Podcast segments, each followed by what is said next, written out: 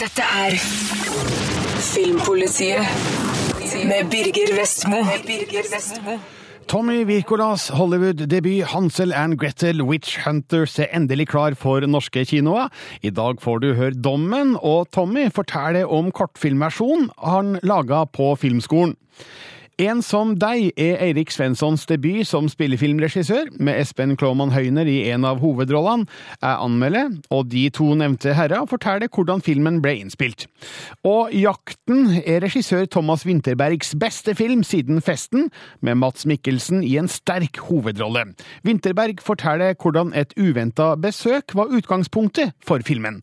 Dessuten skal du få høre om annonseringa av annonseringa av PlayStation 4, ja, du hørte riktig. Og om det kommende Sim City-spillet. Let the girl go, or I'm gonna blow your sheriff's brains all over these fucking hillbillies. Ok, så er ikke det her akkurat Schindlers liste, men Tommy Wirkolas Hansel and Gretel Witch Hunters er et kjapt og uforpliktende nummer som var over før jeg rakk å kjede meg. Den ene hektiske actionscenen avløser den andre, og tåkelegger effektivt det faktum at manuset skranter, med tynne karakterskildringer og litt sliten ironihumor. Men Hansel and Gretel er i hvert fall helt grei camp, med noen ekstra bonuser om mannen er norsk. Vi møter søskenparet Hansel og Gretel, spilt av Jeremy Renner og Gemma Arterton, flere år etter at de brente heksa som forsøkte å spise dem som barn i godterihytta. De har vokst opp til å bli heksejegere, og tilkalles til Augsburg, der flere barn har forsvunnet.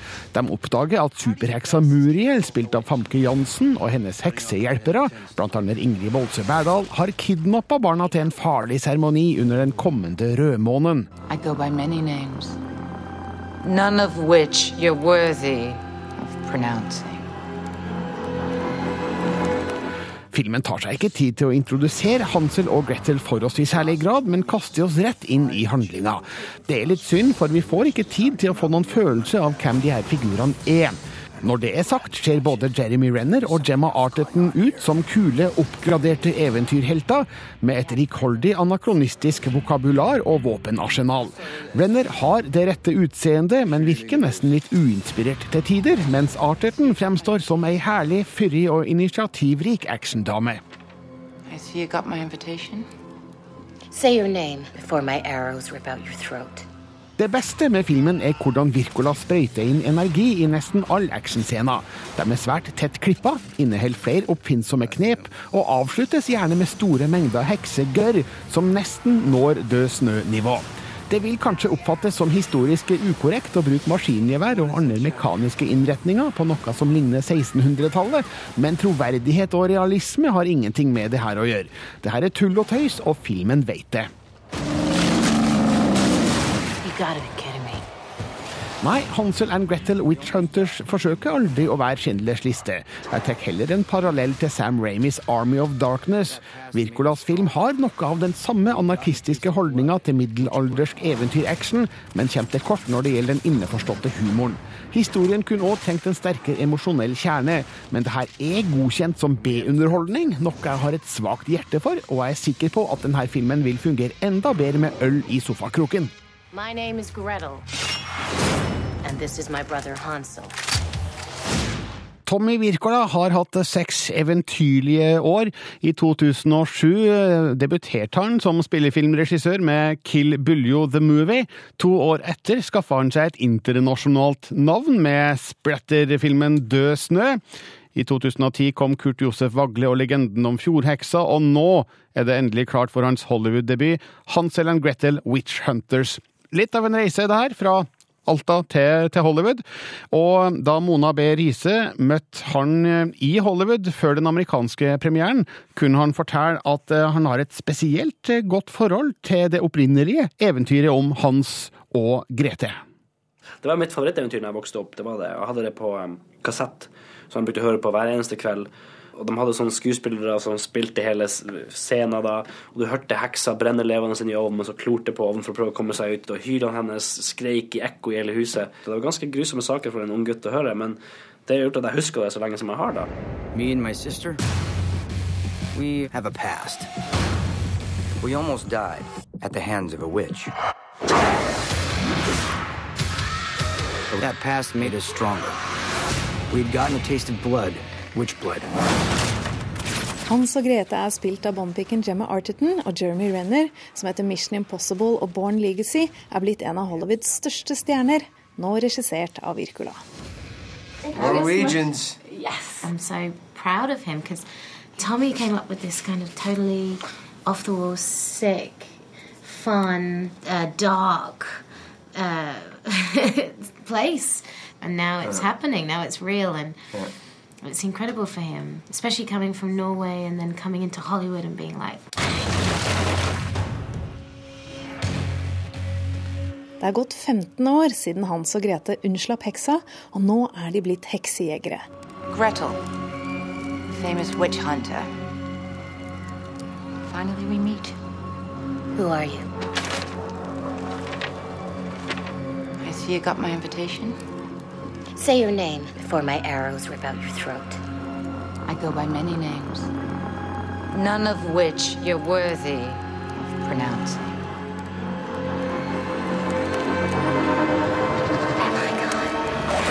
Og det er ikke en ny idé å lage film av voksne Hans og Grete. Tommy Wirkola fortalte allerede ideen til læreren på filmskolen.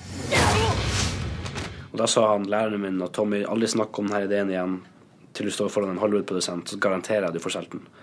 Så det, da holdt jeg kjeft helt til jeg, jeg lagde Kill Bully, jeg lagde Død snø og kom til Sundance og ble invitert til LA endelig. og Første møte første dagen så pitcha jeg ideen, og, og, og så fikk solgt den. Så det var godt råd. Veldig bra råd. Det er mye humor i Hans og Grete. Som f.eks. at Hans har fått sukkersyke. De ideene hadde Tommy for lenge siden. Hva gjør do, Etter at jeg pitcha ideen, så lagde vi også en eksamensfilm i Australia. Da lagde Hans og Grete Hands on Girl Witch Hunter som en kortfilm. Som en helt forferdelig kortfilm, forresten. Jeg, jeg, jeg er glad den, ingen har funnet den ennå. Da var det litt drøyere enda, faktisk. Da hadde ja, Hans hadde diabetes som bruker sprøyter, mens, eh, mens Grete hadde utvikla bulimi pga. alt godteriet. Og, det- og det, spes- det ble selvfølgelig kutta ut på, for den her, men, eh, men mye av de små ideene var faktisk allerede etablert når jeg studerte på filmskolen. Hans og Grete er blitt den dyreste norskregisserte filmen noensinne, og den litt lavmælte regissøren fra Alta har tydelig noen kvaliteter Hollywood var ute etter. How would you describe Tommy? Boy. Yeah. Full of energy, full of uh, ideas. Yeah, his perception, is smart, and Yeah. usually when Tommy speaks, he'll have like a little smile. Like a half It's- smile. Yeah, you, you can definitely see it on his face when he's upset. And he's either upset because maybe the witch's makeup didn't turn out like he wanted, so and go back and rework it. You could see like it's like you stole a little kid's candy. He's really upset. Otherwise, he's just like Ja, det er, jo, det er jo sikkert sant. Det er jo sant. Og det, det var jo å komme på sett og se alle heksene og alle trollet og det man har skrevet, det som man hadde i hodet sitt. Det var, da var jeg meg som en liten gutt som hadde fått lov å gjøre noe veldig spesielt. Og, men jeg tror jo at mange regissører er akkurat det. De har beholdt den gutten i, seg. Da. De, det er ikke så lett å, å få den bort. Three, two, one, action! Tommy Wirkola, Jeremy Renner og Gemma Arterton ble intervjua av Mona B. Riise i Los Angeles. Du kan se mer av dem i denne ukas utgave av Filmbonanza på NRKs nett-TV. Den finner du på tv.nrk.no. I natt kom en overraskende melding fra Sony, som etter alt å dømme nå annonserer annonseringa av sin neste konsoll, nemlig PlayStation 4. Og Rune Håkonsen, hvorfor er annonsering av annonseringa viktig, egentlig? Det, det sier kanskje noe om spillbransjen og hvor viktig det er med denne hypen man snakker om i medieverdenen. At man skal få eh, folk på Twitter, på YouTube, eh, Instagram for den saks skyld, til å snakke om og dele bilder og dele videoer. Eh, Så det er det Sony prøver på nå. De prøver å få folk til å begynne å, å lure på hva, hva er denne mystiske tingen de skal vise fram den 20. februar, som da etter alt å dømme er den nye spillkonsollen som vi tror heter PlayStation 4. Ja. Eh, Hva vet vi egentlig om eh, fireren? Altså, Sony har letta på sløret i en rekke intervjuer, men, men hva sier det her om den eh, nye konsollen? I tillegg til intervjuene så har det kommet noen sånne typiske lekkasjer. Det her kan jo være styrte lekkasjer igjen for å øke hypen, men det viser jo at det skal bli en ganske kraftig spillmaskin. Men eh, i, eh, i Wall Street Journal i dag så skriver de at eh, Sony har bestemt seg for å vri seg mot den sosiale delen av, av spillverdenen, altså sosial spilling. Kanskje litt, litt annet fokus enn den gode grafikken som var før. Men vi må jo huske hva som har skjedd siden sist. da. 2006 var sist gang det kom en ny konsoll, PlayStation 3. Siden den gang så har Facebook, YouTube, eh, iPhone blitt så utrolig viktig eh, på internett og for spillebransjen, så jeg tror nok vi kommer til å se at eh, Sony tar med seg disse erfaringene inn i den nye konsollen også. Nå eh, var du her for en uke siden og snakka om ryktene om Xbox eh, sin kommende konsoll som går under navnet Durango. Eh, Men hva vet vi om fireren? Altså, hva, slags spådom har du å komme med her om hva du tror vi har i vente? Jeg tror nok spesielt iPhone, altså smarttelefoner, Apple sin inntog i spillbransjen kommer til å gjøre mange forskjeller. Og så tror jeg nok at vi kommer til å se en spillkontroller med en skjerm på. Litt sånn som vi har sett på Nintendos Wii U-konsoll som kom ut rett før jul. Kan Hvis jeg skal komme med en liten sånn eh, framtidsspådom, så tror jeg kanskje at vi kanskje mm, kan se at PlayStation Vita-konsollen blir en integrert del av den nye eh, PlayStation-konsollen, rett og slett. Sånn at man får to konsoller. En man kan ha hjemme, og en man kan ta med seg på veien når man vil. Det kommer i hvert fall til å bli en ganske, ja, en retningsendring fra den japanske spillgiganten når vi ser eh, og får vite mer den 20. februar. Nå eh, er det jo venta at Xbox eh, annonserer sin neste konsoll eh, senere i år. Nå kommer PlayStation dem etter alt å dømme i forkjøpet. De et, er de et hestehode foran her nå? Jeg ble litt overraska faktisk når dette her kom dryppende ut i, i natt på internett. For uh, Sony har tidligere sagt at ja, vi, ser ikke noe vits med å være først ute. Vi har lyst til å se hva de andre gjør, og så kan vi tilpasse oss etter markedet best mulig. Men nå, nå, nå plutselig viser det seg at de bare tulla. og nå løper de foran og, og, og tar oppmerksomheten fra Microsoft. Eh, Microsoft skal da vise fram sin konsoll på E3-messa i Los Angeles i sommer. Og da kan du si at eh, høsten 2013 kommer til å bli veldig spennende. Konkurransen kommer til å bli veldig skarp. Og litt tidligere denne uka her så fikk vi jo vite at GTA 5 har blitt utsatt til 17. september. Eh, Og det kan jo antyde at eh, kanskje dette spillet blir en av de første på den nye generas- eh, konsollgenerasjonen. Racet mellom eh, Xbox, Microsoft og Sony PlayStation er i gang, men det er jo ikke noe problem for oss, egentlig. Altså, vi kjøper jo begge, Rune. Jeg kommer i hvert fall til å gjøre det. Takk skal du ha. Bare hyggelig, du. Og så skal jeg anmelde en ny norsk film som har premiere i dag. En som deg. You don't remember me? Remember you from? From Istanbul. No, I'm sorry. I, I think you mistake me for someone else. Jeg får absolutt en kontinental følelse av Eirik Svenssons spillefilmdebut 'En som deg'. Handlinga er lagt til fire europeiske byer, og gir meg en følelse av at hovedpersonene er på rotløs jakt etter noe. Dette noe er sjølsagt den store kjærligheten. Det er en vakker og velspilt film med en merkelig, men interessant vri. Flinke skuespillere sørger òg for at dialogen flyter naturlig og troverdig, sjøl når historien surfer på klisjébølger. Okay? I'm fine. Just needed a bit of fresh air.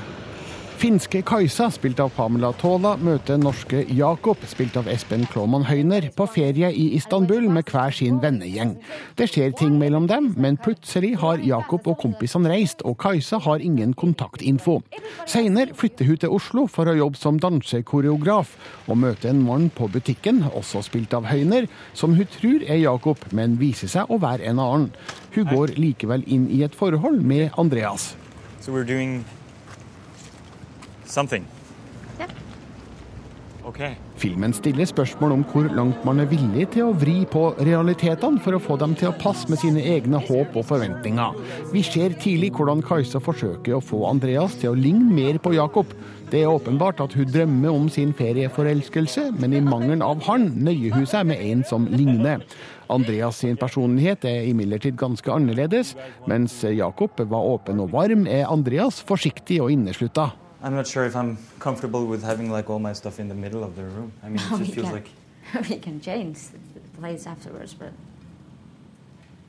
Espen Kloman Høyner spiller altså begge rollene, og det er unektelig litt rart i begynnelsen, men han makter å gjøre figurene forskjellige nok til at det likevel blir troverdig. Høyner gjør fine roller der begge figurene nøler i møte med kjærligheten og vet ikke helt hva de skal gjøre med den. Finske Pamela Tola er et nytt bekjentskap for meg, men er god i rollen som søkende Kajsa. Jeg tror på hennes kjærlighetsjakt, sjøl om den av og til kan fremstå i overkant altoverskyggende. Sjøl hennes dansekoreografi bærer preg av savnet av tosomhet. En som deg er en lovende spillefilmdebut av Eirik Svensson. Han kunne nok kutta ned på antall hipsterballader på soundtracket, men jeg syns historien er fin, og skuespillerne er sympatiske, også i de mindre rollene. Noen av historiens elementer kan virke en smule klisjéfylte, spesielt avslutninga, men noen klisjeer er fine på film.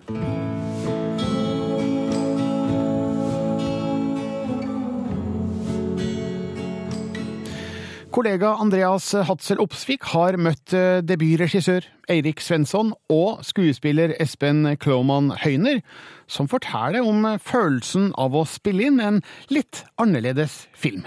Det er bare rart. Jeg, ser på denne filmen her på en annen måte enn jeg ser på andre filmer jeg har spilt i. Skuespiller Espen Klaumann Høyner føler på det å ha spilt inn filmen En som deg. Og denne kjensla er viktig, skal en tru regissør Eirik Svensson, som i sin debut har lagd en film om eh, Ja, hva handler den egentlig om? Eh, så filmen handler om, eh, om fors forsøket, hvordan mennesker blir kjent, hvordan vi møtes, hvordan forsøket på det å få til noe sammen med et annet menneske. og og også kanskje hva man, hva man ser etter, man, hva man liksom er blind for når man møter et annet menneske. Altså Alle har, vis, alle har forstått, uh, hatt liksom en grunntone av tematikken i kroppen, tror jeg, når vi har gått inn og, og skutt de forskjellige scenene. Mm. At man folk ikke snakker som skrevne replikker.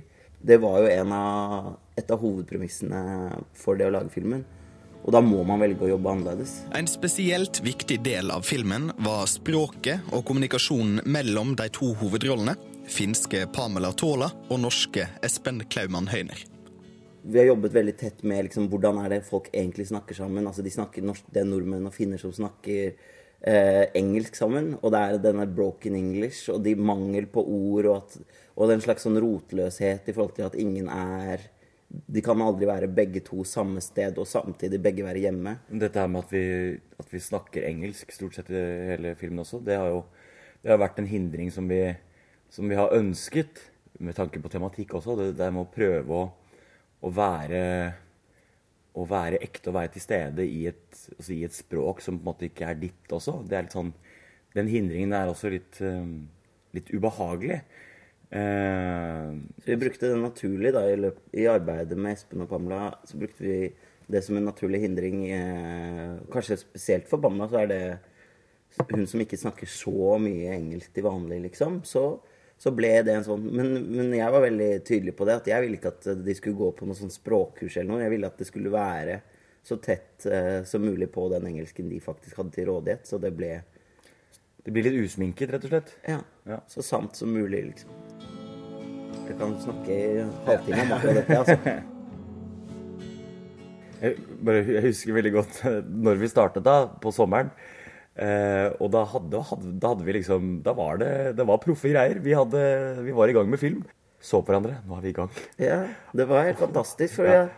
og, du, og, du, sa vær så god. Jeg og Pamela ser på hverandre og bare hm, Ja, hvordan, hva gjør vi nå? Espen Klaumann Høyner debuterte allerede i 2004 som den bråkjekke Daniel i ungdomsfilmen Bare B.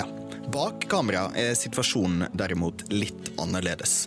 Men eh, flere av eh, de involverte kjente hverandre fra filmskolen på Lillehammer, noe regissør Svensson mener er positivt. Så det føltes veldig naturlig at også fordi vi skulle jobbe så, så søkende og, og samtidig fritt, så var det en kjempetrygghet for meg å vite at ok, men disse menneskene kjenner meg godt. Det som har kanskje vært mest spennende med, med denne filmen, det er det at man at vi har eh, tatt oss tid på sett til å se etter andre muligheter, ikke bare bestemme at ok, denne scenen skal være sånn, og så skyter vi den, og så går vi videre.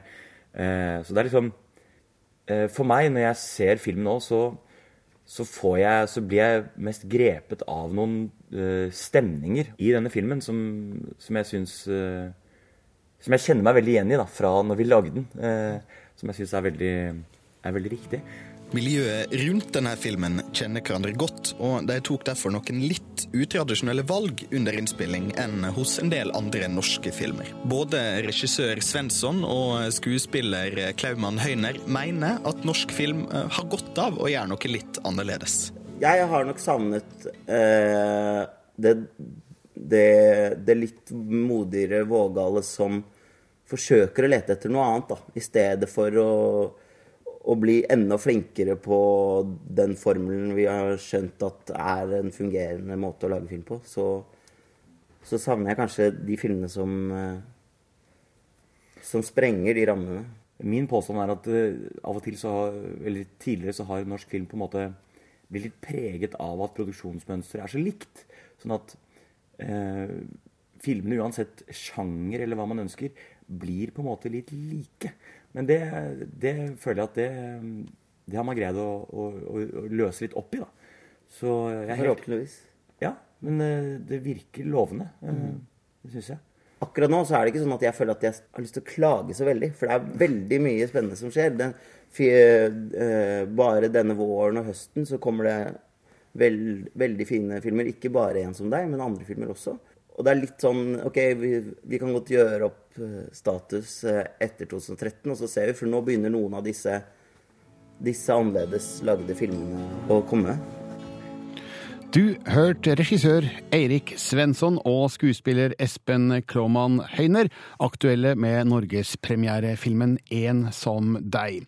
På nettsidene våre kan du i løpet av dagen lese en utvida versjon av intervjuet, og nettadressen er som vanlig p3.no filmpolitiet. I 1989 revolusjonerte Will Wright spillbransjen med SimCity. Nå var det ikke lenger meninga at du skulle følge en historie eller få flest mulig poeng. Spillet ga deg en sandkasse, og du kunne sjøl bestemme hvordan din by skulle vokse.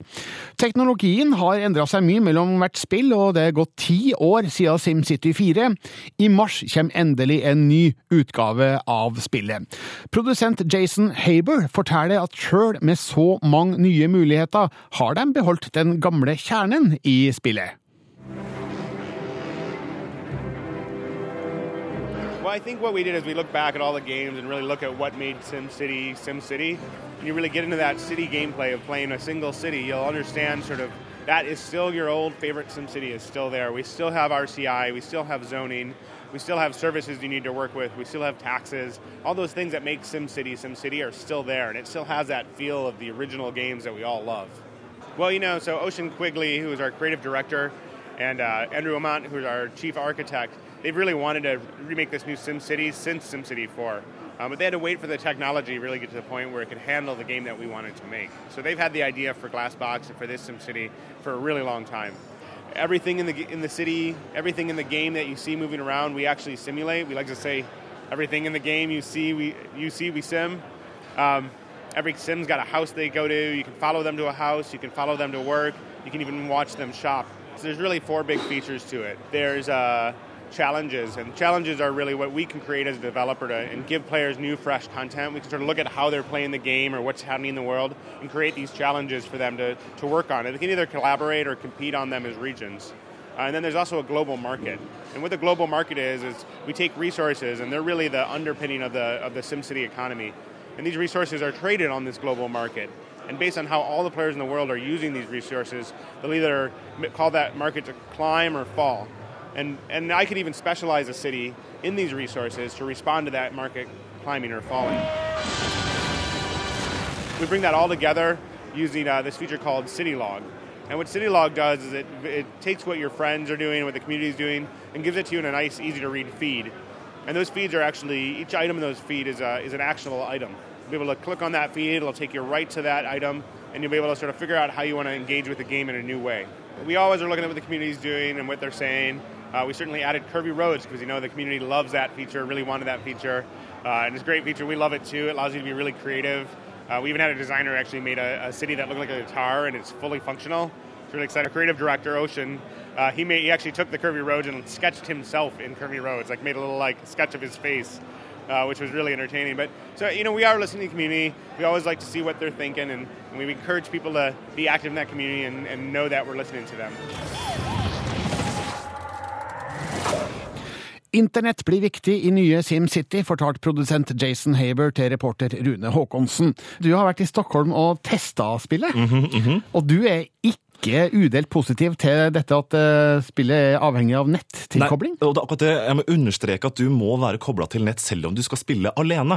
Og det er jo en litt sånn ny trend i bransjen. Vi så det med Diablo 3 blant annet. Altså, de krever at du er kobla på nett hele tida. Og har du ikke nettilkobling hjemme, går internett ned, er det en feil hos, på internett hos deg, da får du ikke spilt spillet enkelt og greit. Nei, men eh, er det ikke slik at alle spill nå er nesten avhengig av å ha nettilkobling? Jo, folk hjemme har jo stort sett det, i hvert fall i vår del av verden. Eh, Men når Diablo 3 ble lansert, så gikk serverne til Blizzard ned, og spillet ble Altså, det funka ikke for eh, alle som hadde kjøpt det til lanseringsdatoen, og det er kritisk. Og når jeg var og testa det i Stockholm, så fungerte ei heller flerspillebiten i SimCity. Nå skal det også sies, da, at dette var da et presseevent hvor de viste fram en tidlig, uferdig versjon av spillet. Men samtidig så ga det meg en litt sånn, litt sånn, sånn framtidspek. da, på en måte, Hva skjer hvis det er noen serverproblemer? da?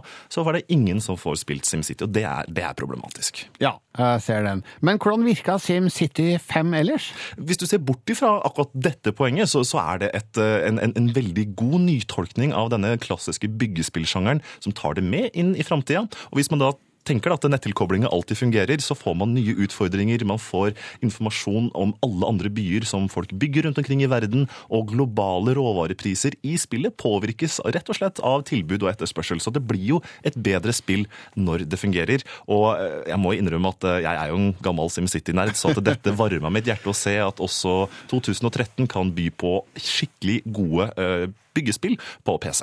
Vi hørte jo i sted at produsenten Jason Haber, eh, Haber påstod at de har beholdt kjernen i de gamle SimCity-spillene. Har han rett i det? Ja, han, han har rett i det. Og det er akkurat det at eh, den, den gleden av å bygge opp noe helt fra bunnen av, der du må drive og liksom tenke ja, skal jeg kanskje ha noen boligfelt her? Å nei, nå er de sure, for jeg har ikke bygd bra nok skoler. Du må ta alle disse valgene helt fra bunnen av, og du må dyrke fram din egen by. Den grunnleggende følelsen har de fått med inn i det nye spillet, og den følelsen har de klart å beholde og forsterke, ikke minst, så at jeg ser fram til å prøve mer. Så i mars kommer altså SimCity 5, og det er ti år siden SimCity 4. Det, Jeg må jo sies at det heter ikke SimCity 5, altså. nei, hva skal det hete? Det heter bare SimCity. Det er litt sånn forvirrende, for nå heter det det samme som det Ja, første vi spillet. må få lov til å putte på en, en femmer bak der, altså, for å gjøre det forståelig. men, SimCity og- 5. men, men ti år siden forrige SimCity-spill, det var- helt uhørt. Altså, Fifa kommer jo sånn annenhver måned. Jeg skulle, jeg skulle gjerne sett flere SimCity-spill, jeg, altså. Hva er årsaken til at det har gått så lang tid? Jeg tror nok rett og slett det er fordi at eh, spillbransjen har endra seg litt. Man har kanskje tenkt at disse typer spillene ikke vil selge så mye, men så har da dette nettmiljøene som har ropt høyt i mange år vi vil ha mer SimCity, de har endelig fått sin stemme hørt, og nå blir det nok endelig et nytt SimCity-spill. Ja, vi får høre hva du syns om eh, SimCity uten femtall bak eh, når det kommer i mars, og da ser vi ikke deg på jobb den neste måneden. Kommer ikke til å gjøre det da, nei. Hei. Jeg skal anmelde en ny premierefilm, nemlig Jakten. Der er visst noe galt her. Ah? Lukas! Hej. Av og til får jeg lyst til å reise meg i kinosalen og rope til figurene på lerretet. Regissør Thomas Winterberg gjør meg farlig sint med sitt intense drama 'Jakten', der Mats Mikkelsen spiller en av sine sterkeste roller. Historien er av typen man kan relatere seg fullt og helt til, men håper man slipper. Denne filmen tok tak i meg, rysta meg, rørte meg og gjorde meg rasende og tankefull. Eller? Hvis du har rørt min lille datter, så får du en kugle.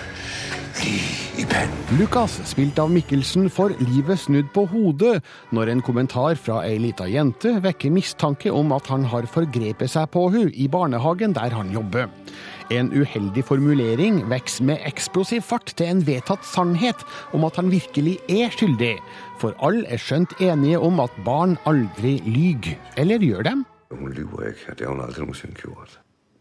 Så hvorfor skulle hun lyve nu? Publikum vet hele tida at mistanken er fullstendig uberettiga.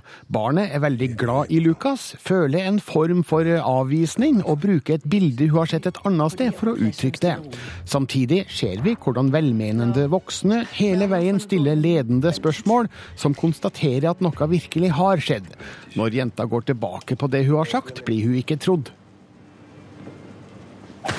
Det er dramatisk å se hvordan Lucas blir frosset ut av både arbeidsplass og vennekrets. Verken kolleger eller venner er onde, men reagerer instinktivt og irrasjonelt på det de oppfatter som en stor fare mot deres barn. Som publikummer kan jeg både relatere meg til deres frykt, og samtidig mot Lucas sin hjelpeløshet i situasjonen. Sjøl kjæresten Nadia, spilt av Alexandra Rappaport, stiller ubehagelige spørsmål. Mats Mikkelsen gjør en praktfull innsats i en vanskelig rolle. Han spiller med en dirrende intensitet, der vi ser hvor hardt Lukas forsøker å holde raseriet under overflata. Thomas Bo Larsen er òg en svært viktig del av filmen, som Lukas' beste venn Theo, som òg er far til jenta han mistenkes å ha forgrepet seg på. Forholdet før og etter at lynet slår ned, er ekstremt kontrastfullt, men vi ser hvor hardt det er for Theo å takle utviklinga. Det er min bedste venns datter, det vet du godt, ikke? Jeg tror på børnene, Lukas. Det har jeg alltid gjort. Jakten skal være inspirert av flere overgrepssaker, bl.a. Bjugn-saken fra starten av 1990-tallet, og vise hvordan et helt samfunn kan gripes av hysteri når en slik mistanke dukker opp. Filmen påstår verken det ene eller det andre i disse sakene, men skildrer hvor vanskelig det kan være å forsvare seg mot overgrepsanklager. Det er en klisjé å si det, men 'Jakten' er Thomas Winterbergs beste film siden 'Festen'.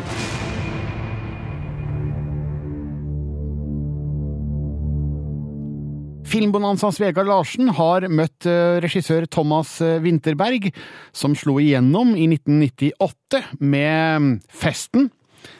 De filmene som kom etter det, sto kanskje ikke til forventningene, men nå er han tilbake i superslag med en fantastisk eh, film. Og som han forteller til Vegard Larsen, ideen kom med et uventa besøk for en god del år tilbake. For otte år siden, eller nej, 10-12 år siden, i år 2000, ja, det er så 13 år siden, øh, bankede det på min dør hjemme på min vej, og en berømt dansk børnepsykolog. Og han sagde, du har lavet festen, så, han, så er der en anden film, du også skal lave. Læs de her sager. 8-10 år senere havde jeg brug for en psykolog, og ville ringe til ham og tænkte, out of courtesy, høflighed, vil jeg lige læse det her, han havde givet mig. Så læste jeg det og blev dybt chokeret over de her sager, som den her film tager udgangspunkt, som jagten tager udgangspunkt i. Det er sager, hvor øh, mænd og kvinder bliver uskyldigt anklaget for pædofili øh, i børnehaver eller andre steder. Og jeg så også en mulighed for at lave et, et, et, stort drama om tilgivelse og tabet af uskyld og venskab og kærlighed. Øh, Det var en række forskellige sager fra en fra Frankrig og en fra, og en fra Norge. Stor sag i Bjørn. Hva var det med, med den saken som inspirerte deg? Øh, Bjørn-sagen og Vadstedsgård i Danmark og de andre sager øh, fascinerede meg. fordi at hvis vi tar utgangspunkt i, at han er uskyldig, det ved vi jo ikke. Men hvis man tar utgangspunkt i, at han var uskyldig, så har børnene jo skabt en, en verden af fantasi, som er meget, meget fascinerende. Øh, Jeg vil skynde mig at understrege, at vores film er fiktion. Og vi tager ikke stilling til, om han var skyldig eller ikke skyldig i Bjørn eller nogen andre steder. Og i min verden, i den her film, er han uskyldig. Det slår vi fast fra start. Det er der ingen tvivl om. Og derfor kan jeg jo ikke relatere mig til, direkte til en sag, for det kan jeg jo ikke vide. Men jeg må også sige, at, at min film handler om andet og meget mere end om en sag. Altså sagen er en lille tynd kerne i filmen, der holder den sammen og får den til at bevæge sig fremad. Men så er der jo alt livet rundt om. Det rører mig at se det her uskyldstab. Øh, De her glade, nøgne mennesker, der springer i en sø og, øh, og som lever et, et smukt liv af, fællesskab, og som så på en eller anden måde rammes af en troldsplint, ligesom i et H.C. Andersen-eventyr, og, og mister deres uskyld. Det sa regissør Thomas Winterberg om eh, sin film Jakten. Og om du ikke er så begeistra for dansk på radio, så kan du se hele intervjuet med Winterberg i siste utgave av Filmbonanza på tv.nrk.no. Der eh, får du hele greia teksta, nemlig. Det er en film som kom ut på Blu-ray og DVD denne uka, som kan bli helgas vinner for barnefamilier, i hvert fall. Det dreier seg om Paranorman. Hvis du kjøper den på DVD, så får du filmen. Eh, kjøper du den på Blu-ray, så får du filmen og en 3D-versjon av filmen, så jeg ville ha gått for Blu-ray. Det har i hvert fall jeg gjort. Og dette er en film som er absolutt verdt å se for både liten og stor. Her er min anmeldelse fra da den hadde kinopremiere. The witch's ghost is going to wake up tonight. And when she does, she'll raise the dead. Studioet bak Caroline og Den hemmelige dør, Laika, lykkes òg med sin andre stop motion-animerte film Paranorman. Jeg elsker stop motion. Det er et eller annet med figurenes og miljøenes tekstur som virker mer eh, virkelig enn når man kun bruker computere. Paranorman er et nydelig eksempel på hva som går an å få ut av stop motion kombinert med CGI. Filmen forteller òg en historie som vil være grøsselig god underholdning for de yngste, og morsom for alle store. Derfor får Paranorman en skrekkelig klar anbefaling. Norman. So. Norman føler seg som et utskudd både hjem og på skolen. Han kan nemlig se og prate med døde mennesker. Men når en gammel forbannelse truer byen med zombieinvasjon, får Norman bruk for sine evner. Han er den eneste som kan forhindre totalt kaos, hjulpet av noen gode og noen ikke fullt så gode venner, samt sin avdøde onkel. Do I look crazy to you? Filmen hyller historiene fra gamle skrekkfilmklassikere. Du vil kjenne igjen flere elementer fra sjangeren. Barn vil få en innføring i skrekk de seint vil glemme. Jeg liker hvordan regissørene Chris Butler og Sam Fell gjør det her, samtidig som de holder innholdet på et underholdende nivå for hele familien. Norman er en fin helt i denne sammenhengen. En forsiktig og sjenert gutt som finner styrken til å tre frem med mot og overbevisning, uten at det blir Hollywood-klissete. So long as you don't let it change who you are. Paranorman har et deilig uttrykk, inspirert av horror fra flere tidsepoker, fra Romeros zombiefilmer, britisk hammer horror, John Carpenters Halloween og de nye The Ring-filmene. Paranorman-universet inneholder flere deilige detaljer som man kanskje går glipp av ved førstegangspåsyn. Jeg imponeres stort av hvordan animatørene har fått figurene til å leve med flytende bevegelser som virker naturlige. Her ligger det åpenbart et vanvittig stort arbeid bak. He dead or what? Du må bare se denne filmen. Hvis ikke kan det hende vi ikke får se særlig mange flere stop motion-animerte filmer som det her, og det hadde vært synd. Paranorman er kanskje ikke like god som fantastiske Caroline, men føles likevel som et blinkskudd av en film med fantastiske visuelle kvaliteter, oppfinnsom humor, spennende action og gode grøss for de yngste.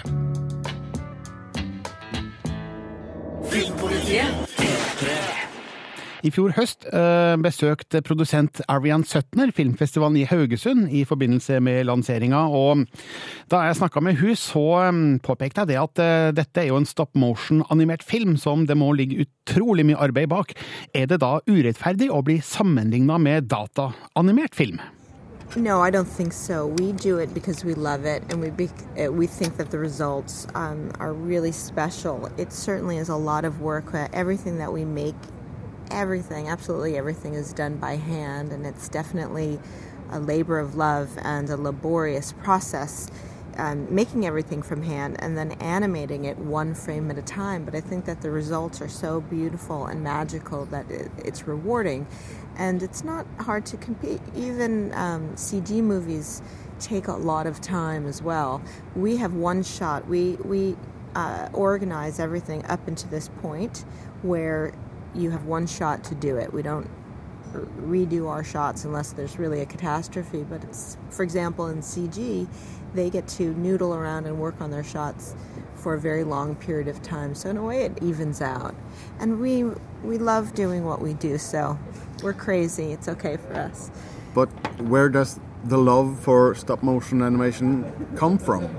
That is a very now that is a good question. Where does it come from? I think having worked in um, me personally, having worked in animation, all kinds of animation and live action, it's once you get working on it, if if you love it, if you're a certain kind of artist, you just get hooked because the there I work in a studio with over 300 or 350 different kinds of artists, everybody experts at what they do.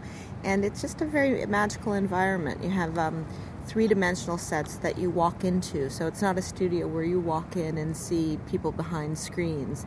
And I, I for me, it, I think it, it just, it, you know, ultimately the movies have something special about them. There's real light on real objects just in live action, but everything is is so just uh, incredibly creative and special. And I even think now that we have um, we've really perfected a, a great way of, um, of of showing character animation, the facial animation with this those faces that I just showed you. Mm-hmm. Um, that the animation is even more sophisticated than in CG, more it, meaning not more sophisticated, but more human and more lifelike. A, a little more um, easy, easy for people to relate to. Not many movies are being produced in with stop motion animation. Is it is it a dying art form? I feel it's an age old art form, and it really is, and it seems never to have died. People always say that, and yet there are lots of movies and movies that have an incredible staying power of stop motion. So, you know, I'm biased person, so I don't think it's uh, I don't think it's dying. I've been busy working away on it. Um, it's just another, you know, form of, of, of filmmaking. Det sa produsent Arian Sutner om Paranorman, som altså denne uka kom på Blu-ray og DVD, og er helt klart anbefalt av Filmpolitiet. Dette er Filmpolitiet med Birger Vestmo.